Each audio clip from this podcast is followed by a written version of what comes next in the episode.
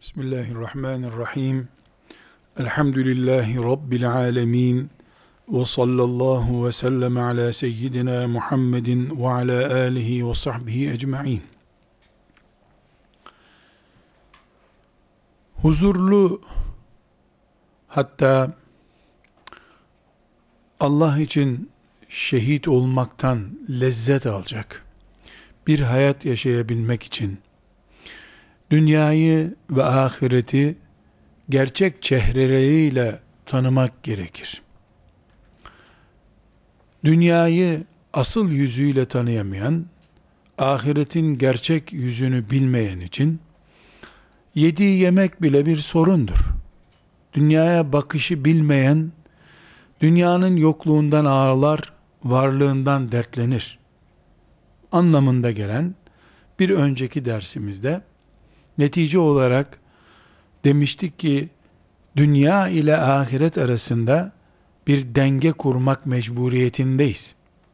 Salıp attığımız bir dünyada da mümince bir tavır yapmış olamayız. Peşinden kul köle olduğumuz bir dünyada da mümince bir tavrın sahibi olamayız. Ortasını bulanlar kazandılar. En başta ashab-ı kiram olmak üzere radıyallahu anhum cemiyan. Bir hususu daha tekrar hatırlatmak için zikredeyim.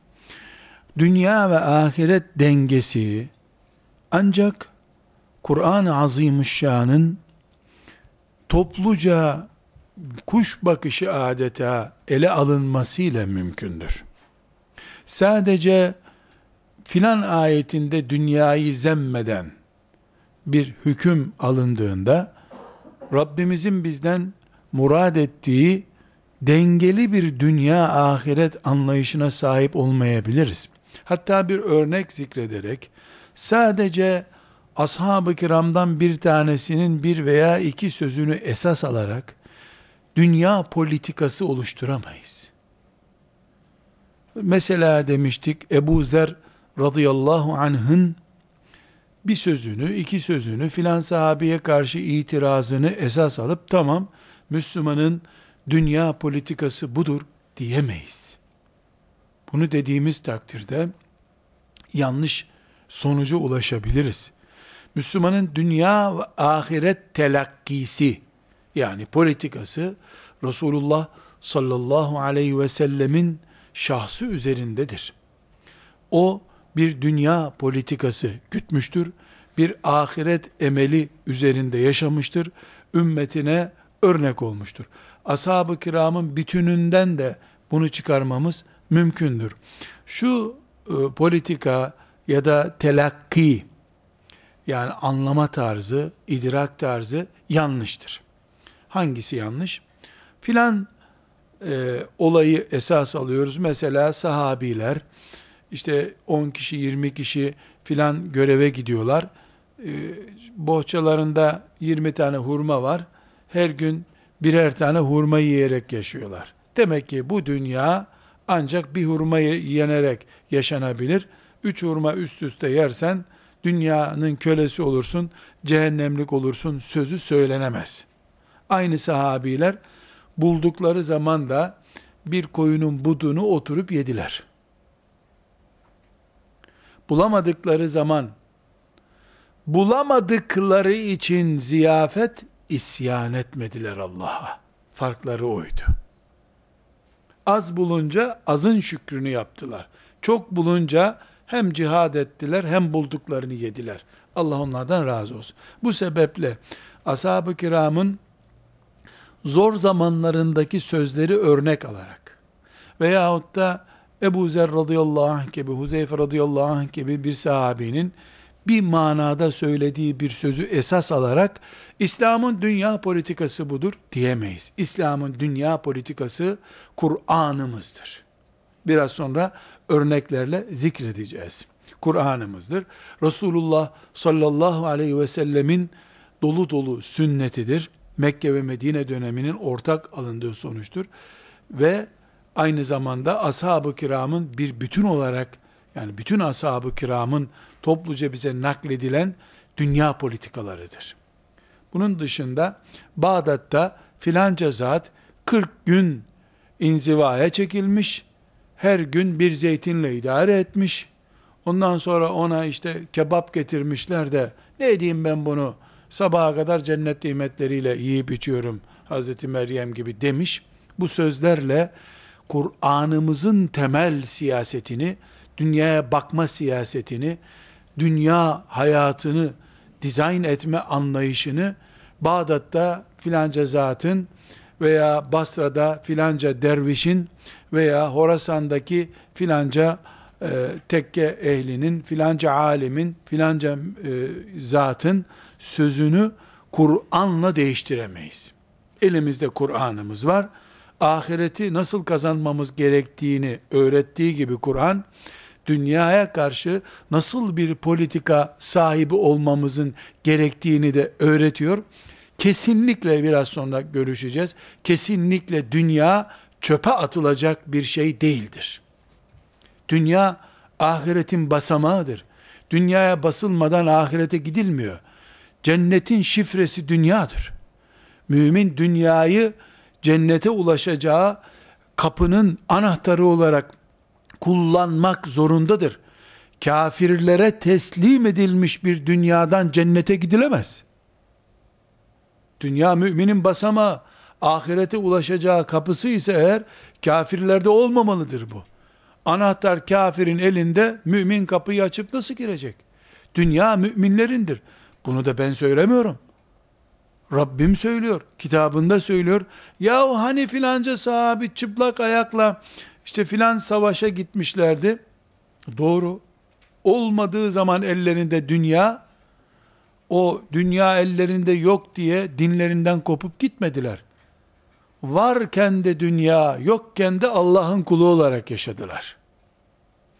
Ne yokluğu dünyanın onları Allah'tan kopardı, ne de bolca var olduğu zaman dünya şımardılar. İkisi de olmadı.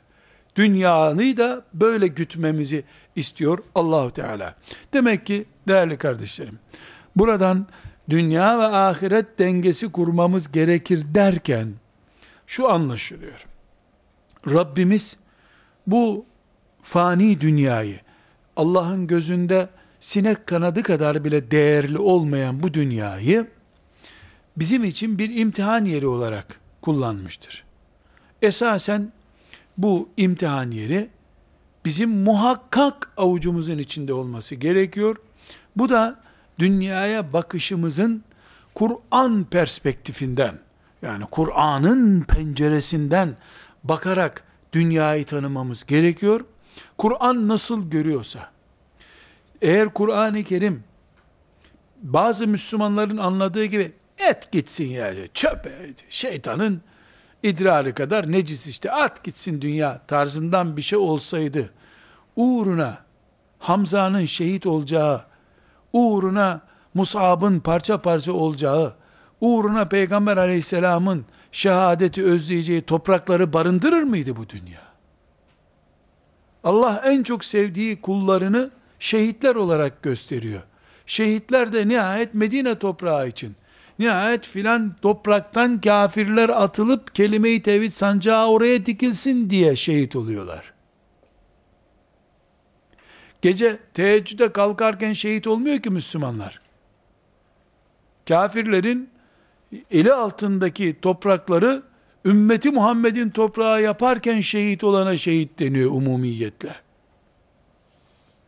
Mesele sadece dünya meselesi değil ki dünya üzerinde bir hükümranlık olması gerekiyor. Bu da o toprak senin olduğunda, söz Allah'ın sözü olduğunda ve bu pratikte uygulandığında ancak gerçekleşebiliyor. Müslümanın bir dünya politikası vardır.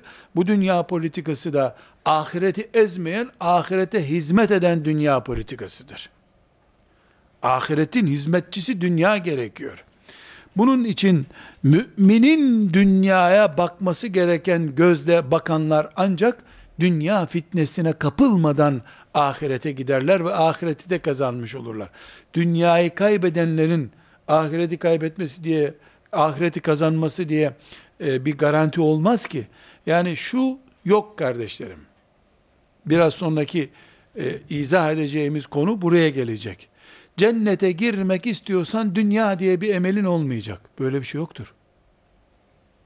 Cennete girmek istiyorsan ezanların gür okunduğu, Allah'ın şeriatının yaşandığı bir dünyada yaşayacaksın. Cennet, ürkeklerin, kafirlerin önünde zelil olmuşların cenneti değildir. Zelil olmayı kabul etmeyip şehadete razı olanların diyarıdır cennet. Allah'ın sancağını dikmek ve kainatı Allah'a secde eder halde tutmak, bol keseden şehit olmak, dayak yemekten daha iyi. Evet şehadet en ulvi makamdır ama dünya Allah'a secde etsin, içindekilerle beraber, ondan sonra ben şehit olayım diye düşünmektir esas olan. Bu sebeple arkadaşlar, dünyayı Allah'ın tanıttığı gibi tanıyacağız. Şimdi bu tanıtmada e, özellikle Rabbimizin ayetlerinden yola çıkarak dünyayı nasıl tanımamız gerektiğini hesap edeceğiz. Dünya fani bir defa. Fani. Ve dünya cenneti olmayanın vatanıdır. Mümin için vatan değildir. Çünkü fani. Mümin ebedilik istiyor. Mümin üç gün sonra, üç sene sonra, belki üç asır sonra en fazla elinden çıkacak bir dünya istemiyor. Mümin ebedi olarak Rabbi ile kalmak istiyor. E bunu isteyen de elbette dünyaya razı olmaz. Ama ebedi cennet için fani dünya şartı var. Dünyaya gelmeden cennette yaratılmak Adem'in çocuklarının nasibi değildir. Adem'in çocukları faniden ebediye gitmek zorundadırlar. Adem ise aleyhisselam ebedi cennetten fani dünyaya geldi, tekrar ebedi cennete gitti. Çocukları olarak biz insanlar ise alternatifimiz yok. Fani dünyada yaratıldık. İnşallah ebedi cennete gitmek istiyoruz. Dolayısıyla burada yaratılmak gerekiyor cennete gelmek için. Hemen yaratılıp öbür gün paketlenip cennete gönderilme imkanı da yok. İlla bir imtihan olacak. O zaman dünya bizim cennetimizdir aslında. Çünkü buradan cennet vizesi alıp gitmek durumundayız. Harap edilmiş bir dünyada Allah'a secde ettirilmemiş dünyada ebedi cennet kimsenin garantisi değildir. Öyle olsaydı Resulullah sallallahu aleyhi ve sellem der miydi? İçimden öyle şehadet geçiyor ki, şehit olayım. Tekrar diriltsin Allah beni. Bir daha şehit olayım. Diriltsin Allah bir daha şehit olayım geçiyor içimden der miydi sallallahu aleyhi ve sellem? Değer mi fani dünyadan? Gittin zaten git cennetine otur. Niye bir daha gelmek istiyorsun ki? Ama Allah'a secde ettirmek dünyayı ve içindekileri o kadar onurlu bir görev ki cennete gidecek bir şehit olduğu halde bir daha yaratılayım, bir daha tadayım o tadı. Dünyayı ve içindekileri Allah'a secde ettirmek. Ben secde edeyim gideyim çok düşük bir düzeydir. Ben secde ediyorum zaten ama ağaçlar da secde etsin. Nehirler de Allah diyerek aksın. Hayvanattan cemadata kadar, insana kadar ne varsa hepsi Allah'a secde etsin demek büyük bir mümin kalitesi. Kafir ise elbette böyle bakmıyor. Kafirin bakışı elbette farklı. Böyle bir bakış tarzını kafirden beklemek doğru değil zaten. Şimdi kafirler nasıl bakıyorlar? Biz nasıl bakmamız lazım? Bir. İki, niye kafirler böyle bakıyor? Bunu biliyor Allah, buna rağmen kafirlere dünyayı veriyor. Da mümine zaman zaman vermiyor. İki. Üç, niye böyle bir deneme yapmak murad etti Allah? Bu üç sorunun cevabını Kur'an-ı Azimuşşan ayetlerinden ve aleyhissalatü vesselam Efendimizin hadisi şerifinden öğreneceğiz arkadaşlar. Yunus suresinin 24. ayetinde Rabbimiz çok net, herkesin anlayacağı bir şekilde bu dünyada kafirler niye elini kolunu sallıyorlar?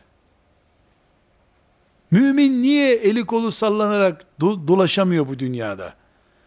Belki yüz defa hatimlerde dinlediğimiz, hafız efendilerin çok iyi ezber bildikleri, teravihlerde, mukabelelerde dinlediğimiz bir ayet arkadaşlar. Bakınız ne büyük hikmetler ihtiva ediyor aslında. Biz bunu bir yağmur örneği veriyor Allah zannediyoruz. Halbuki en tabii ortamdan en imani değeri Allah anlatıyor.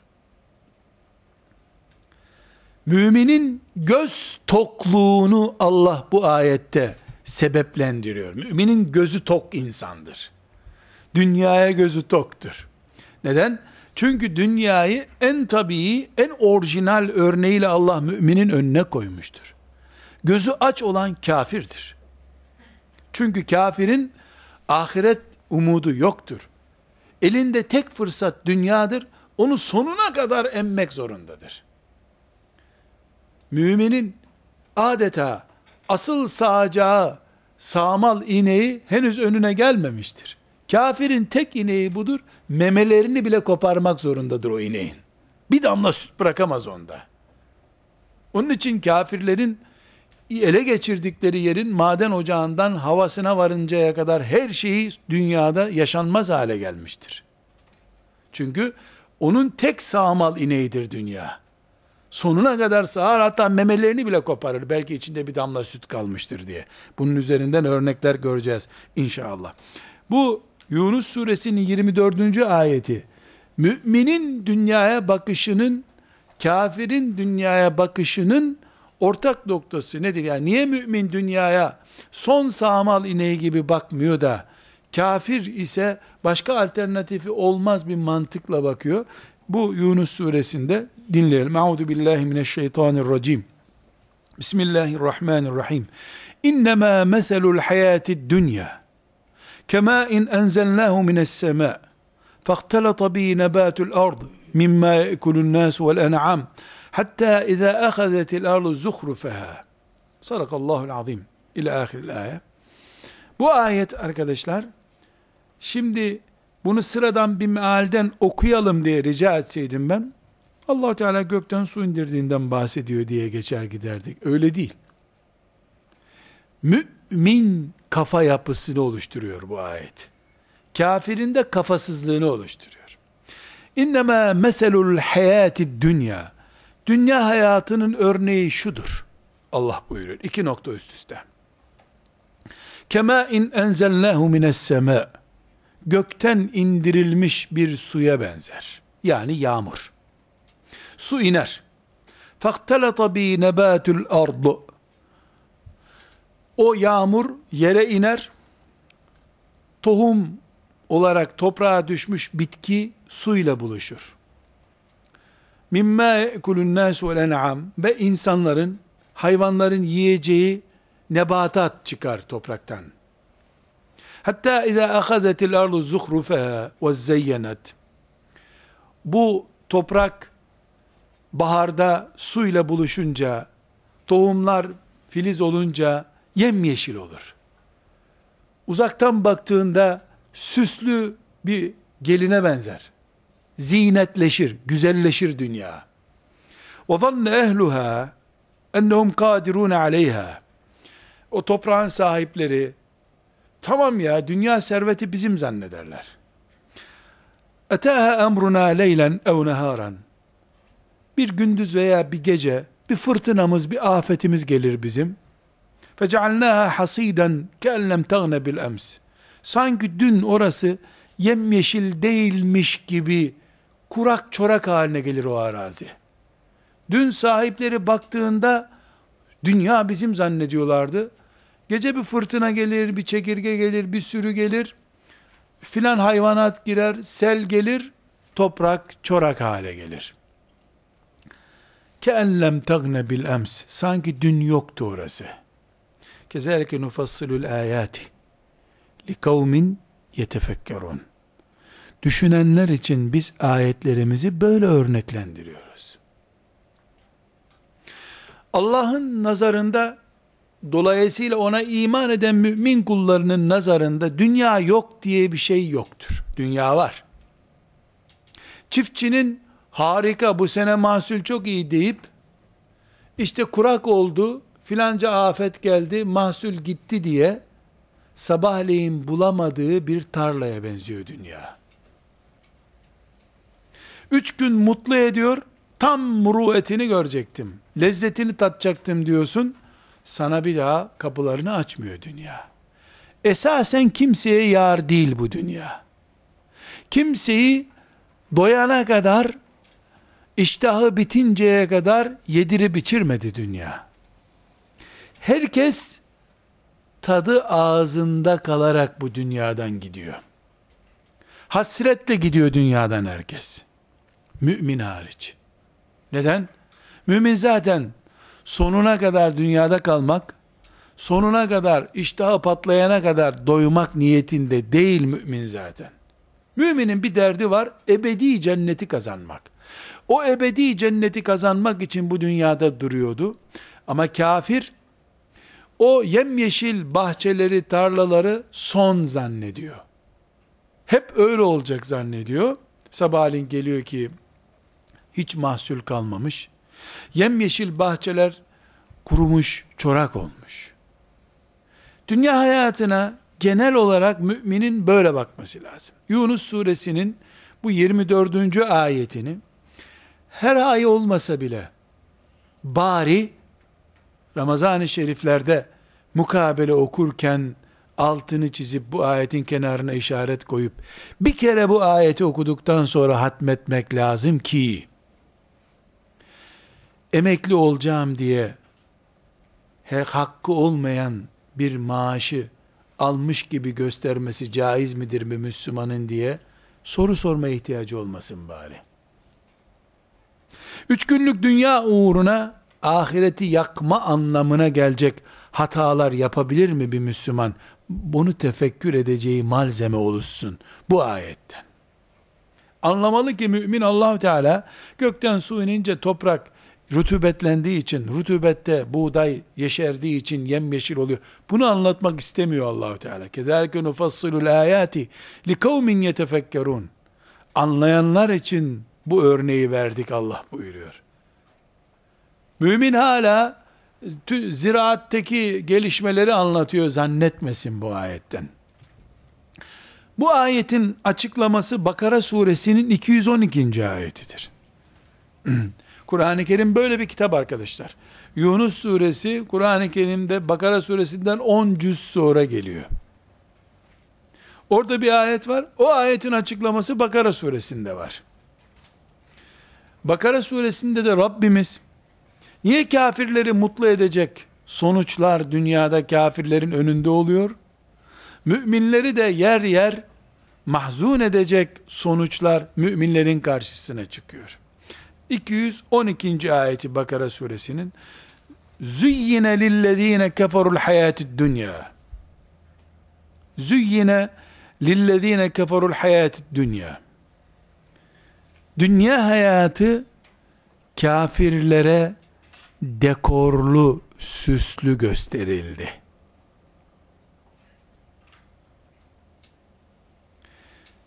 Cümleye dikkat ediyoruz. Züyyine lillezine keferul hayatid dünya. Kafirlerin gözünde dünya süslü dekorlu yapıldı. Demek ki müminin bakan gözü dünyayı hiçbir zaman süslü görmüyor. Görmemesi gerekiyor. Fani görmesi gerekiyor. Mümin nasıl görüyor? Üç günlük dünya. Kafir nasıl görüyor? Cennet dediğin şey. İşte dünya. İnsanın cenneti dünya olarak görüyor. Mümin cennete basıp gideceği bir basamak olarak görüyor. Müminin görüşü, dünyaya bakışı basittir. Koca şah sarayları gibi saraylar arzu etmez mümin. Ne diyor müminin peygamberi sallallahu aleyhi ve sellem? Bir ağacın altında dinlenip gidecek yolcuyum ben bu dünyada diyor elimde olacak dünya. Ama dünyada kalmam için değil, dünya ve içindekiler Allah'a secde etsin diye. Müminin mantığı bu, kafire de öbür türlü mantık gösterildiği için, devam ediyor 212. ayet, ve esharune minellezine amenu. Dünyayı onlar son durak görüyorlar. Müminler ise dünyayı fani görüyorlar. Fani gördüğü için mümin kuaförde saatler harcamıyor hiçbir zaman. Evini sıcak soğuğa karşı koruyor. Teknoloji imkanlarından istifade ediyor. Ama komşular görsün diye özel boya yaptırmıyor evine hiçbir zaman. Dışarıdan setre avret olsun diye perde takıyor. Komşular beğensin diye perde masrafı yapmıyor.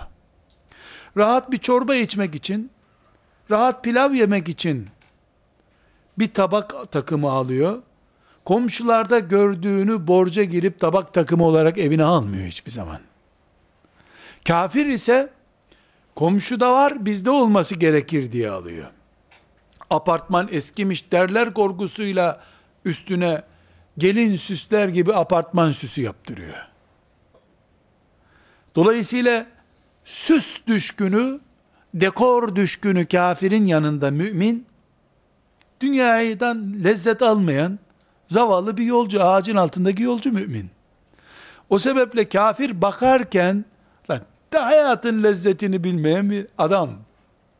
Sen nereden geldin, dağdan mı indin diye, mümini hor görüyor. Ve yesharune minellezine amenu. Müminlerle alay edip dururlar. Zuyyine lillezine keferul hayati dunya ve yesharune minellezine amenu. Kafirlere bu dünya hayatı dekorlu, süslü gösterildiği için ve yesharune minellezine amenu. Müminlerle de alay ederler. Buradan yol geçecek hala sen arsa almadın derler. Elindeki arsanın kıymetini bilmiyorsun der. Çocuğu diploması te, muteber bir okula niye vermedin der. Hafız ettin, çocuğun geleceğiyle oynadın der. Bu çocuk tam tıp okuyacak çocuktu sen bunun geleceğiyle oynadın der. Şahsiyetinin beş para olacağı şekilde filan derneğe, filan vakfa, filan kooperatife, filan siyasi oluşuma gir. Gelecek var orada der. Bunu yapmayana da ve yeskarune minellezine amenu. Hayatın kıymetini bilmiyor. Hayatı rezil etti kendine. Zehir etti hayatı der. Hacca gidecek zaman mıydı yahu? İhaleye girmesi gereken zaman hacca gitti adam. Zehir etti kendine hayatı. Der. Ve yeskarune minellezine amenu. Bakara suresinin 212. ayetindeyiz. Demek ki kafirler dünya kendilerine dekorlu, boyalı, nakışlı, arabalı, füzeli gösterildiği için, o ruhla kafir yetiştiği için, yaşadığı için, o mantıklı olmayan müminle alay eder. وَالَّذ۪ينَ اتَّقَوْا فَوْكَهُمْ يَوْمَ الْقِيَامَةِ Ama kıyamet günü, müminler onların üstünde olacaklar, onlar altta olacaklar. Onlar 50 sene, 100 sene müminleri böyle hor görecekler. Müminlerse sonsuza kadar onların üstünde olacaklar. Kur'an ne kitabı kardeşlerim? İman kitabı. Sadece meleklere iman ediyoruz Kur'an'dan öğrendiğimiz için. Kadere iman ediyoruz. iman bitti diyebilir miyiz? Hangi ayeti bizim kafa yapımız olması gereken ayet değildir Kur'an'ın? Hangi kelimesi Kur'an-ı Kerim'in olmasa da olur bizim için? Böyle bir kelime olabilir mi kitabımızda? Haşa. Tek bir ayeti, tek bir kelimesi, tek bir harfi fazla değil. Olmasa da olur. Yedek parçası bulunur bunun başka bir yerde denecek bir kelime yok ki Kur'an'da. İşte Bakara suresinin 212. ayeti. Çocuk yetiştirirken, vakıf ve dernek çalışması yaparken, siyaset yaparken, ümmeti Muhammed adına konuşurken, dünya politikalarını tesis ederken, bir gün bizim birleşmiş tek ümmet milletlerimiz olduğu zaman, bizim birleşmiş milletlerimiz, dolayısıyla ümmeti Muhammedimiz, dünya politikalarını belirlediği zaman züyyine lillezine keferul hayatid dünya ve eskarune minellezine amenu onların bakışı bu. Vellezine ettekav takva üzere yaşayanlar Allah korkusunu esas alarak yaşayanlar fevkahum yevmel kıyame kıyamet günü üstünde olacaklar. Dünya üstünlük ve yarışma yeri değildir. Dünya kafire dekorlu gösterilmiştir. Asıl kazanç yeri ahirettir. Mümin ahirette üst puanın sahibi olacak diye iman etmek gerekiyor. Vallahu yarzuku men yeşâ'u bi gayri hisab. Allah'tır dilediğine hesapsız rızık veren. Allah'ın şöyle bir vaadi yoktur ki, işte Araplara yüz, yüzde on indirimli, Türklere yüzde on sekiz indirimli rızık böyle bir şey yok. Hesapsız ve dilediği gibi Allah veriyor. Kimseye hesap sormuyor Allah. Kimse de Allah'a hesap soramaz. Dolayısıyla filancaların elinde dünya nimetleri şu kadar var. Filancaların elinde bu kadar var. Bu hesap Allah'ın hesabıdır. Bu ayrıntılar neden o kadardır? Neden Rabbimiz peki mümine mesela az veriyor? Ki en az da sevgi, en çok sevdiği peygamberine verdi. Tevbe suresinin 55. ayetine geliyoruz. Tevbe suresinin 55. ayeti. Bize dünya hayatını bir bahçenin ekinine benzeterek başlattı Allahu Teala Yunus suresinde. Bakara suresinin 212. ayetinde kafirlere özellikle dekorlu gösterildi peşinde koşsunlar diye. Onun peşinde koşarken asıl kazanç olan ahireti kaybetti fark etmiyor kafir. Ve bu hesap Allah'ın hesabıdır. Kimseye sormadan, kimse de Allah'a hesap soramadan dilediği kadar dilediğine rızık veriyor. Ve Tevbe suresinin 55. ayetinde talimat başlıyor bu sefer. فَلَا تُعْجِبْكَ اَمْوَالُهُمْ وَلَا اَوْلَادُهُمْ فَلَا تُعْجِبْكَ Seni şaşırtmasın. Kime bu emir? Peygamber sallallahu aleyhi ve selleme. Ona bağlı olarak da Muhammedun Resulullah diyen, Muhammed benim peygamberimdir, Allah'ın elçisidir diyen her kimse, yani iman eden her kimse ona hitap. فَلَا تُعْجِبْكَ Seni şaşırtmasın. اَمْوَالُهُمْ وَلَا اَوْلَادُهُمْ Onların malları ve çocukları seni şaşırtmasın. Burada arkadaşlar asla ve kat'a maazallah bir iştihat, bir bilmişlik iddiam olmadan beynimi kemiren mümin kardeşlerimin de bilhassa baba olan, anne olan mümin kardeşlerimin de inşallah yüreklerine su serpecek bir kanaatimi söylüyorum.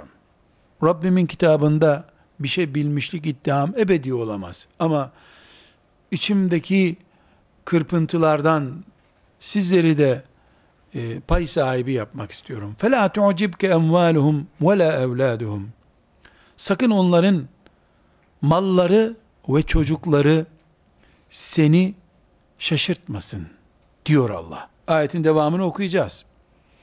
Fakat bu asırda çocuk eğitimi konusunda Müslüman anne babaların yürekleri hep yaradır. Çocukları konusunda gözünden kan gelecek kadar ağlayan anneler babalar var. Çocuğu evine gelmez, çocuğu dinlemez, çocuğu patırtı kütürtü çıkarır, babaya asidir, anaya asidir, evden para çalar, namaz kılmaz, anne babayı sevmez, annesinin babasının aleyhinde konuşur, böyle ızdırap. Belki siz gençler henüz çocuk sahibi olmadığınız için ve elhamdülillah Allah sizlerden razı olsun ebeveyninizi üzmediğiniz için Kur'an bilen insanlar olarak bu sözümün ne manaya geldiğini bilmiyorsunuz ama bunu dinleyen nice anneler babalar bu sözümün sonunu beklemeden şu anda gözleri yaşarmış durumdadır. Kahr içindedir anne babalar ve benimle bu konuları istişare eden babaların, annelerin ilk üç cümlesinden biri şudur. Filancalarda namaz yok, oruç yok, iman yok. Yahu çocuklarıyla abi kardeş gibi yaşıyorlar yahu. Bize gelince bizim çocuklar canavar. Bu ayet indiği zamanlar müşrikler Resulullah sallallahu aleyhi ve sellemin karşısına 10 tane erkek oğlum var sen ne diyorsun be diye çıkıyorlardı. Rabbim de فَلَا تُعْجِبْكَ اَمْوَالُهُمْ وَلَا اَوْلَادُهُمْ Onların mallarının çokluğu çocuklarının kalabalıklığı seni şaşırtmasın demişti. Şimdi Müslümanların 5-6 tane çocuğu var, onların 2 tane çocuğu var. Buradaki onlar ifadesi kafirlere gidiyor. فَلَا تُعْجِبْكَ اَمْوَالُهُمْ وَلَا اَوْلَادُهُمْ Onların malları ve çocukları seni şaşırtmasın diyor. Hayrete düşmeni gerektirir bir şey yok demek bu. Şimdi eğer o güne alırsak o gün kafirlerin bir sürü kalabalık çocuğu vardı. Ashab-ı kiramın pek çoğu yeni evlenmiş daha delikanlılardan oluştuğu için hiçbirinin 10 tane oğlu çocuğu yoktu. Sonra oldu. Bu ayet indiği zamanlar, Tevbe suresi indiği zamanlar binlerce delikanlı sahabi vardı. Peygamber sallallahu aleyhi ve sellemin etrafındakiler gençlerden oluşuyordu. Öbür o azılı müşriklerin 10, 15 çocuğu vardı. Benim 10 tane erkek oğlum var diye Küheylan Bey gibi dolaşıyorlardı sokaklarda. allah Teala takma onlara kafanı der gibi bırak sen onların çoluk çocuğunu diyor. Şimdi bu ayet bir kenara konacak ayet değil herhalde. Bugün mümin bu ayeti okurken ya bizim evde namaz kıldırana kadar cinayet çıktı neredeyse ya çocuğu bir namaz kıldırtıramadık. Şuna bak bizi baba takmıyor, anne takmıyor. Ama kafirlere bak ya. Ne kadar tatlı abilik, ablalık, kardeşlik yaptırıyorlar çocuklarına. Fela tu'cibke envalum ve la. O zaman müşrikler çok çocuğum var diye Resulullah sallallahu aleyhi ve sellemin karşısında kötü örnek olabilirlerdi. Ashab-ı kiram üzülür, kötü örnek olurlardı. Fela tu'cibke envalum ve la buyurdu Allah Tevbe suresinin 55. ayetinde. Şimdi de bütün müminler فَلَا تُعْجِبْكَ اَمْوَالُهُمْ وَلَا اَوْلَادُهُمْ ayetini ister 10 çocuğun var diye böyle oluyor anlasın. İsterse ben 3 tane çocuğumla 4 tane çocuğumla bir türlü huzurlu olamadım. Ramazan'da iftarda çocuklarımı bir araya toplayıp onlarla mutlu bir iftar edemiyorum. Ama filancalar oruç yok bir şey yok akşam mis gibi kebap yiyorlar çocuklar. Tamam babacığım diyor tamam anneciğim diyor biz bu sesi duymuyoruz. Bu görüntüye aldanma sen. 10 çocuğu vardı e, filanca müşrikin Peygamber aleyhisselamın karşısında 10 erkek çocuğum var benim diye çıkıyordu. Şimdi 10 çocuğu yok ama iki tane şirin narin tatlı tatlı anneciğim babacığım naralarıyla yaşayan çocukları var. O da müminlerin yüreğini yakmayacak, bu da yakmayacak. Çok çocuk veya şirin tatlı bir aile filmlerdeki gibi Allah'a filme alınsa hayranlıkla izlenecek. Dış görüntüleri görüyoruz biz tabi. İnnemâ yuridullahu Allah'ın istediği şudur. لِيُعَذِّبَهُمْ biha fil hayati dünya. O mallar ve çocuklar var ya, Allah dünyada iken onlara azabı başlatmak istediği için bu iş böyledir. Ve tezhaka anfusuhum ve hum kafirun. Onlar kafir iken ruhlarını almak istiyor da bu sebeple ellerinde o kadar mal var ve çocuklarıyla rahatlar. فَلَا تُعْجِبْكَ اَمْوَالُهُمْ وَلَا اَوْلَادُهُمْ Mallarına ve çocuklarına sen aldanma. Takma onları, bırak onları. İnnemâ yuridullahu liyuazzibahum biha fil hayatid dünya ve tezhaka enfusuhum ve hum kafirun. Onların da aile derdi olsa, onlar da elimize maaş yetmiyor, helaliyle geçinemiyoruz diye dert olsalar, belki o dert onları bütün o kırdıkları çanaklara rağmen imana doğru götürür, akılları başlarına alır. Halbuki Allah onları mallarla, çocuklarıyla, huzuruyla, mutluluğuyla oyalıyor. Kafir olarak Rablerine gidecekler eski cürümlerinden dolayı Zamanında kırdıkları çanak çömleklerden dolayı. Kur'an'ın hangi ayeti o günkü müşriklerle ilgiliydi, şimdi müşriklerle ilgili değil? Dünya gene müşrik dolu. E Kur'an gene aynı hükümleri veriyor.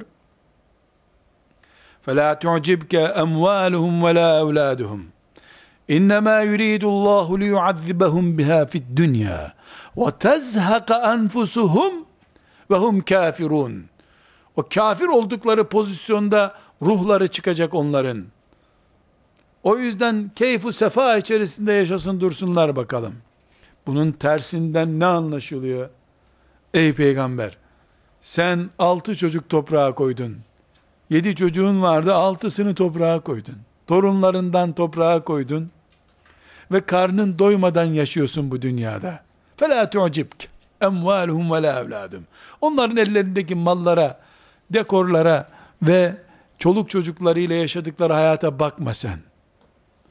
Onların gideceği bir yer yok. Tek ve son şanslarını kullanıyorlar. Sen ise adin cennetlerine gidiyorsun. Makamı Mahmud'a hazırlanıyorsun sen. Senin örneğin onlar değil. Kardeşler diyebilir miyiz? Bir Müslüman diyebilir mi? Resulullah sallallahu aleyhi ve sellem haşa maazallah söylerken örnek olarak söylerken bile şöyle içim cız ediyor. Resulullah sallallahu aleyhi ve selleme bu ayet indi. فَلَا تُعْجِبْكَ zamiri yani sen ifadesi Resulullah'a gidiyor. فَلَا تُعْجِبْكَ sen şaşma, hayret etme, takma, ilgilenme ifadesi peygambere hitap ediyor. Mallarına bakma.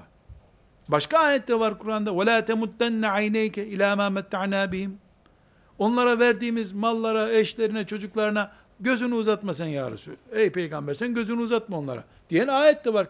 Bu da arkadaşlar. Şöyle bir şey maazallah diyebilir mi? Akıldan geçer mi? Resulullah sallallahu aleyhi ve sellem müşriklerin mallarında kompleksi vardı. Ya ne biçim malları var adamların diyordu. Zerre kadar imanı olan bunu diyebilir mi? Dünyaya ne tenezzülü vardı ki Resulullah sallallahu aleyhi ve sellemin Velid İbni Muire'nin ya da filancanın malına tenezzül edecek. Böyle bir şey akıldan geçer mi? Peki فَلَا تُعْجِبْكَ اَمْوَالُهُمْ kime hitap ediyor? Sen diyor Allahu Teala. Bakma onların malına. Şaşırtmasın seni çocukları. Çocuklarıyla yaşadığı force seni şaşırtmasın. Kime diyor Allahu Teala? Kim Kur'an'a iman ediyorsa. Kur'an Resulullah'a indi ama bütün müminlerin kitabı. O ilk kulu olduğu için Allahu Teala'nın en başta duran kulu olduğu için onun ismine iniyor bu ayetler. E iman eden bütün müminler de e bu ayetten nasibini alıyorlar. Onun için kardeşlerim bu arada dünya ve ahiret dengesi diye bir denge üzerinde konuşuyoruz. Ama Kur'an'ımızı anlama mantığını da bu arada zihnimize yerleştiriyoruz elhamdülillah. Bu kitap bizim kitabımız. Bu kitap sayesinde cennet bulacağız inşallah. فَلَا تُعْجِبْكَ اَمْوَالُهُمْ وَلَا اَوْلَادُهُمْ Sakın onların malları ve evlatları seni ilgini çekecek halde etkilemesin. Çünkü Allah onları dünyada başlatıyor azabını. Çünkü o mallar ellerindeki dünya imkanları ve evlatları yani o ailesindeki mutlu pembe dizilerdeki filmler onlar ahirette ateş olarak karşılarına çıkacak. Keşke param olmasaydı dünyada, sosyal güvencem olmasaydı da filan sosyal güvenceye, sigortaya değil Allah'a güvenseydim diyecek kafirler. Şimdiki onun mutluluk kaynağı ahiretteki azap kaynağı olacak. Mümin bu mantıkla bakıyor. Burada bir sadece konumuz o olmamakla beraber bu Tevbe suresinin 55. ayetiyle beraber şu içimizi huzur dolduran noktaya geliyoruz kardeşlerim. Elhamdülillah. Elhamdülillah. Ne büyük Rabbimiz var ya. Ne büyük Rabbimiz var. Secde ediyorsun, namaz kılıyorsun. Bununla seni kendine yaklaştı kabul buyuruyor. Akşam çocuklarınla oturup içecek bir çorba bulamıyorsun. Çile çekiyorsun. Çocuklarına ekmek getiremediğin için, bir ayakkabı alamadığın için evladına mahcubiyet hissediyorsun. Seni mücahit kabul ediyor. İbadet yaptın kabul ediyor. Kafire veriyor. Sen elini şakağına koyup şu adamlara bak ya. Biz kirada oturuyoruz. Adam mülkünü yağlı boyayla boyuyor dışarıdan. Altın kaplayacak neredeyse evini. Çile çekiyorsun. Bunu Allah senin ona kul olarak yaklaşman kabul ediyor. Evladın seni hırpalamaya çalışıyor. Sen sabredip meşakkate katlandığın için seni Nuh Aleyhisselam gibi, diğer peygamberler gibi meşakkatle kendisine yaklaşan bir kulu kabul ediyor. Sonra akıllanıyor 30 yaşına gelince evlat, elini ayağını öpüyor babasını, baba affet beni hata ettim diye, onu da cennetine koyuyor üstüne. Sana işkence ettiği için sen cennete giriyorsun, sonra o senden helallik alıp tövbe ettiği için o da cennete giriyor bu sefer. Bu Allah'ın kitabı ve şeriatı üzereyiz elhamdülillah. Bakarken böyle bakmak lazım. Filancanın malını, mülkünü sayarak değil, o büyük Allah'ımızın, kerim Allah'ımızın şeriatı ve Kur'an'ındaki hikmetlerle hayata bakmak lazım. Bu bakış tarzıyla kurulu bir dengede mümin asla zararda olmaz. Mümin 24 saat o zaman Rabbi ile baş başadır. Burada kardeşlerim Tirmizi'den bir hadisi şerif nakledeceğim. Bu hadisi şerif şu okuduğumuz Yunus suresinden, Bakara suresinden ve Tövbe suresinden okuduğumuz ayetleri kompozisyon haline getirmiş bir hadis-i şeriftir. Şimdi hadis-i şerifi okuyacağım. İnşallah e, bu hadisi şeriften almamız gereken iman ölçülerini de bir sonraki derste tekrar özetleyeceğiz inşallah. Konumuz ne bizim? Mümin dünya ve ahiret dengesi kurmak zorunda. Bırak ahireti diyen kafir gibi olamaz. Bana cennet lazım, dünya kimin olursa olsun diyemez. Gidemez cennete yoksa. O zaman dünyayı dünya kadar, ahireti de ahiret kadar, yani hak ettiği kadar değerlendiren bir algısı olması lazım müminin. Bu algı da özet yapıyorum anladığınız gibi. Bu algı da Kur'an'dan alınmalı. Resulullah sallallahu aleyhi ve sellem Efendimizin 23 yıllık örnek siretinden alınmalı. Ashab-ı kiramın birincisinden Ebu Bekir radıyallahu anh birincidir. Ondan sonra işte son vefat eden filan sahabi kimse onların toplamından alınmalı. Ashab-ı kiramın Bedir'deki tavrından, Uhud'daki tavrından, hatta ve hatta Sıffin'deki tavrından, filan yere vali olmuş sahabiden, filan yerde e, kimsesiz yok, e, yarı aç vaziyette ölüp gitmiş olan Ebu Zer'den, bunların toplamından çıkarılmalı. Bir yerden bir mesaj kopararak, bir cümlenin peşinden giderek değil, toplamından bu çıkmalı. Bu toplam toplamı anlayabilmek için okuduğumuz üç ayet, ve geçen derste okuduğumuz ayeti de toplayabiliriz. Bu okuduğumuz üç ayetin toplamını Resulullah sallallahu aleyhi ve sellem Efendimiz hadisi şerifte bir kompozisyon haline getirmiş. Tirmizi'nin 2465. hadisi şerifidir. Tirmizi'den başka da e, kaynaklarda var ama özellikle Kütüb-i Sitte'den bir kaynak verince yeterli buluyorum e, sizi böyle kaynaklara boğmak istemiyorum. Tirmizi'de 2465. hadis-i şerif. Şimdi arkadaşlar şirket kurulurken bir şirket tüzüğü hazırlanır. Ticaret odasına işte gerekli ilgili makamlara o tüzük verilir.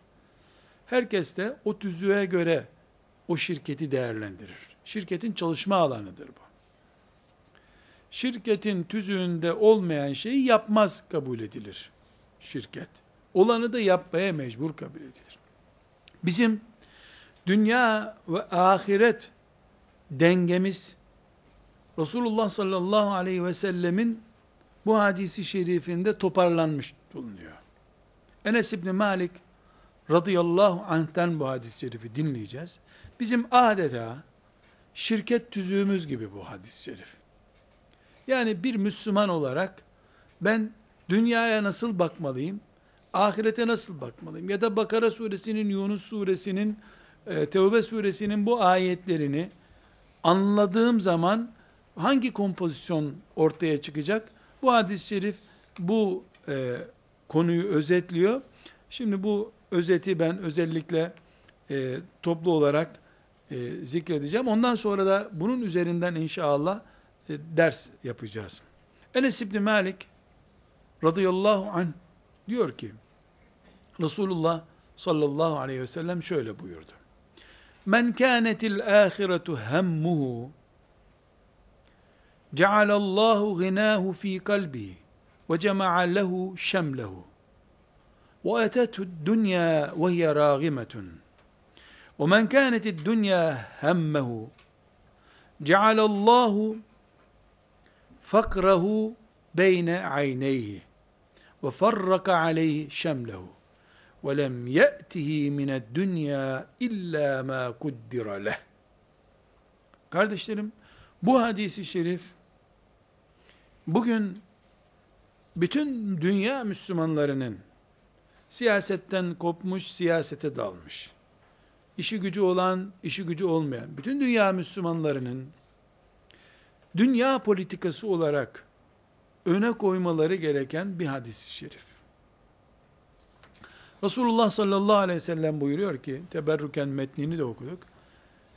Kimin derdi, derdi, ahiret olursa, Allah, onun zenginliğini kalbine koyar. Ve işlerine kolaylık verir.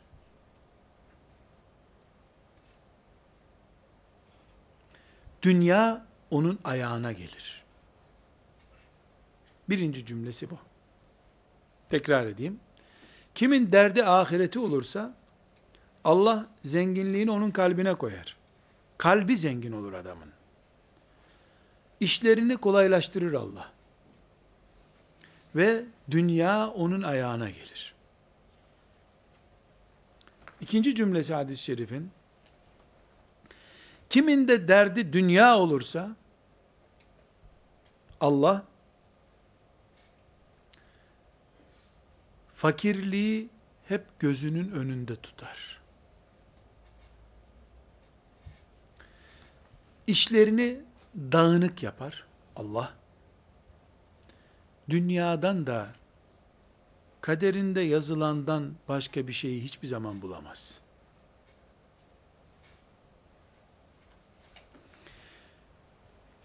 Şimdi bu hadisi şerifi kuş bakışı izleyelim. Bir kere mümin için konuşuyor Efendimiz sallallahu aleyhi ve sellem. Kafirin böyle bir derdi yok. Çünkü ayet kafiri ne yaptı? Zaten züyyine lillezine keferul hayatü dünya. Kafirlere zaten dünya hayatı dekorlu gösterir. Kafirin bir sorunu yok. Başka bir dert yok çünkü. Ama mümin ahiret için yaşaması gereken insan. İman bunu gerektiriyor. La ilahe illallah Muhammedur Resulullah cennet için yaşayacağım demektir. Mümin iki pozisyonda oluyor o zaman. Ya iman edip ben cennet için varım dediği gibi eylemleri de böyle ayarlıdır. Ya da mümin cennet için varız biz canım dediği halde hep dünya için yatırım yapıyordur. Dolayısıyla İmanı gibi şahsiyeti olan mümin var. İmanı gibi bir şahsiyeti olmayan mümin var. Eğer mümin iddia ettiği imanı gibi bir şahsiyet gösterebiliyorsa o zaman yüreği hep zengindir onun. Bir dilim ekmek buldu mu döner kebap yiyor gibi mutludur o. Ve onun işleri de hep düz gider. Adamda kuruş yok, Hiçbir zaman da borcu da yok. Mutlu adam. Beklemediği yerde oğluna bir kolay nasip çıkar, masrafsız bir düğün yapar. Dünya onun ayağına gelir. Eğer mümin, bu birinci mümin tipi. Mümin, biz Allah'ın cenneti için varız. Ya Rabbi, hanımımı Hatice ile beraber, beni de Hazreti Ali ile beraber ya Rabbi cennette. Bu, böyle dualarda hep böyle büyük büyük dualar. Ama uygulamaya gelince Projeler hep dünya üzerinden.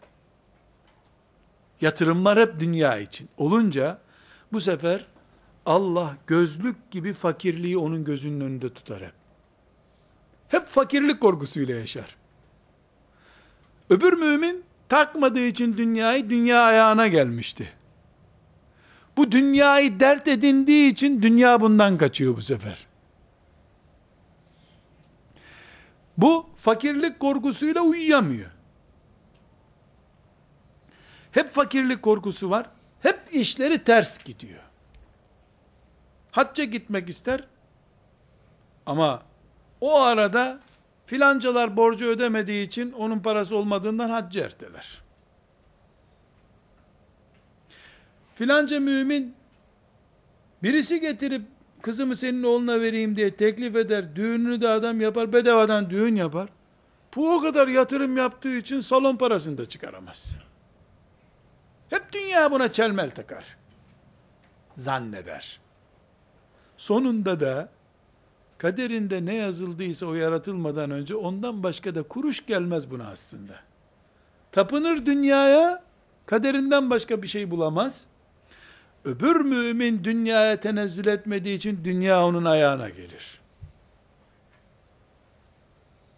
Demek ki dünya bir tür köpek gibi. Kaçtın mı kovalıyor. Tenezzül etmedin mi kuyruk sallıyor. Gibi.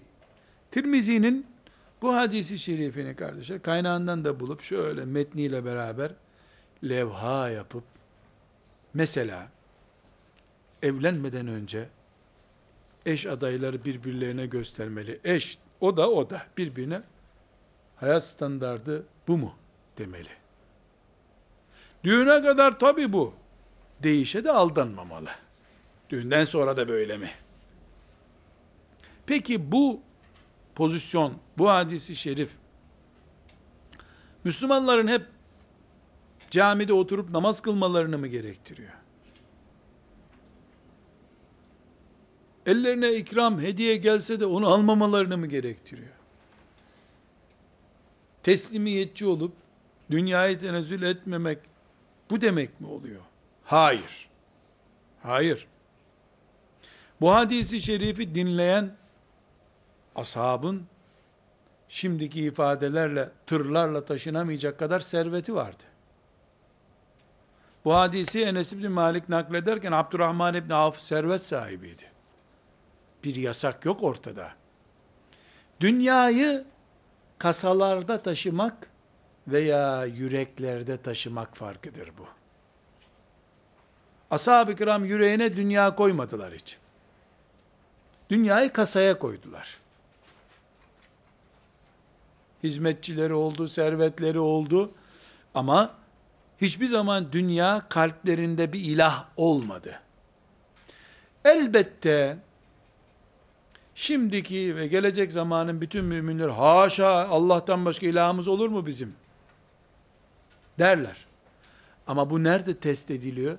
Haram helal titizliğin var mı yok mu o zaman belli oluyor.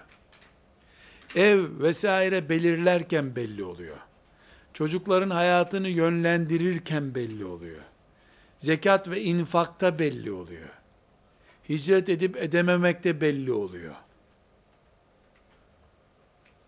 Yoksa iddia ederken hiçbir mümin bu dünyada yani yüzde yetmiş kalbim şöyle yüzde otuz da dünyalık demez. Herkes cennetin en iyi kulu zaten. Herkes en iyi olmayı istiyor. Yapmaya gelince sıkıntı oluyor.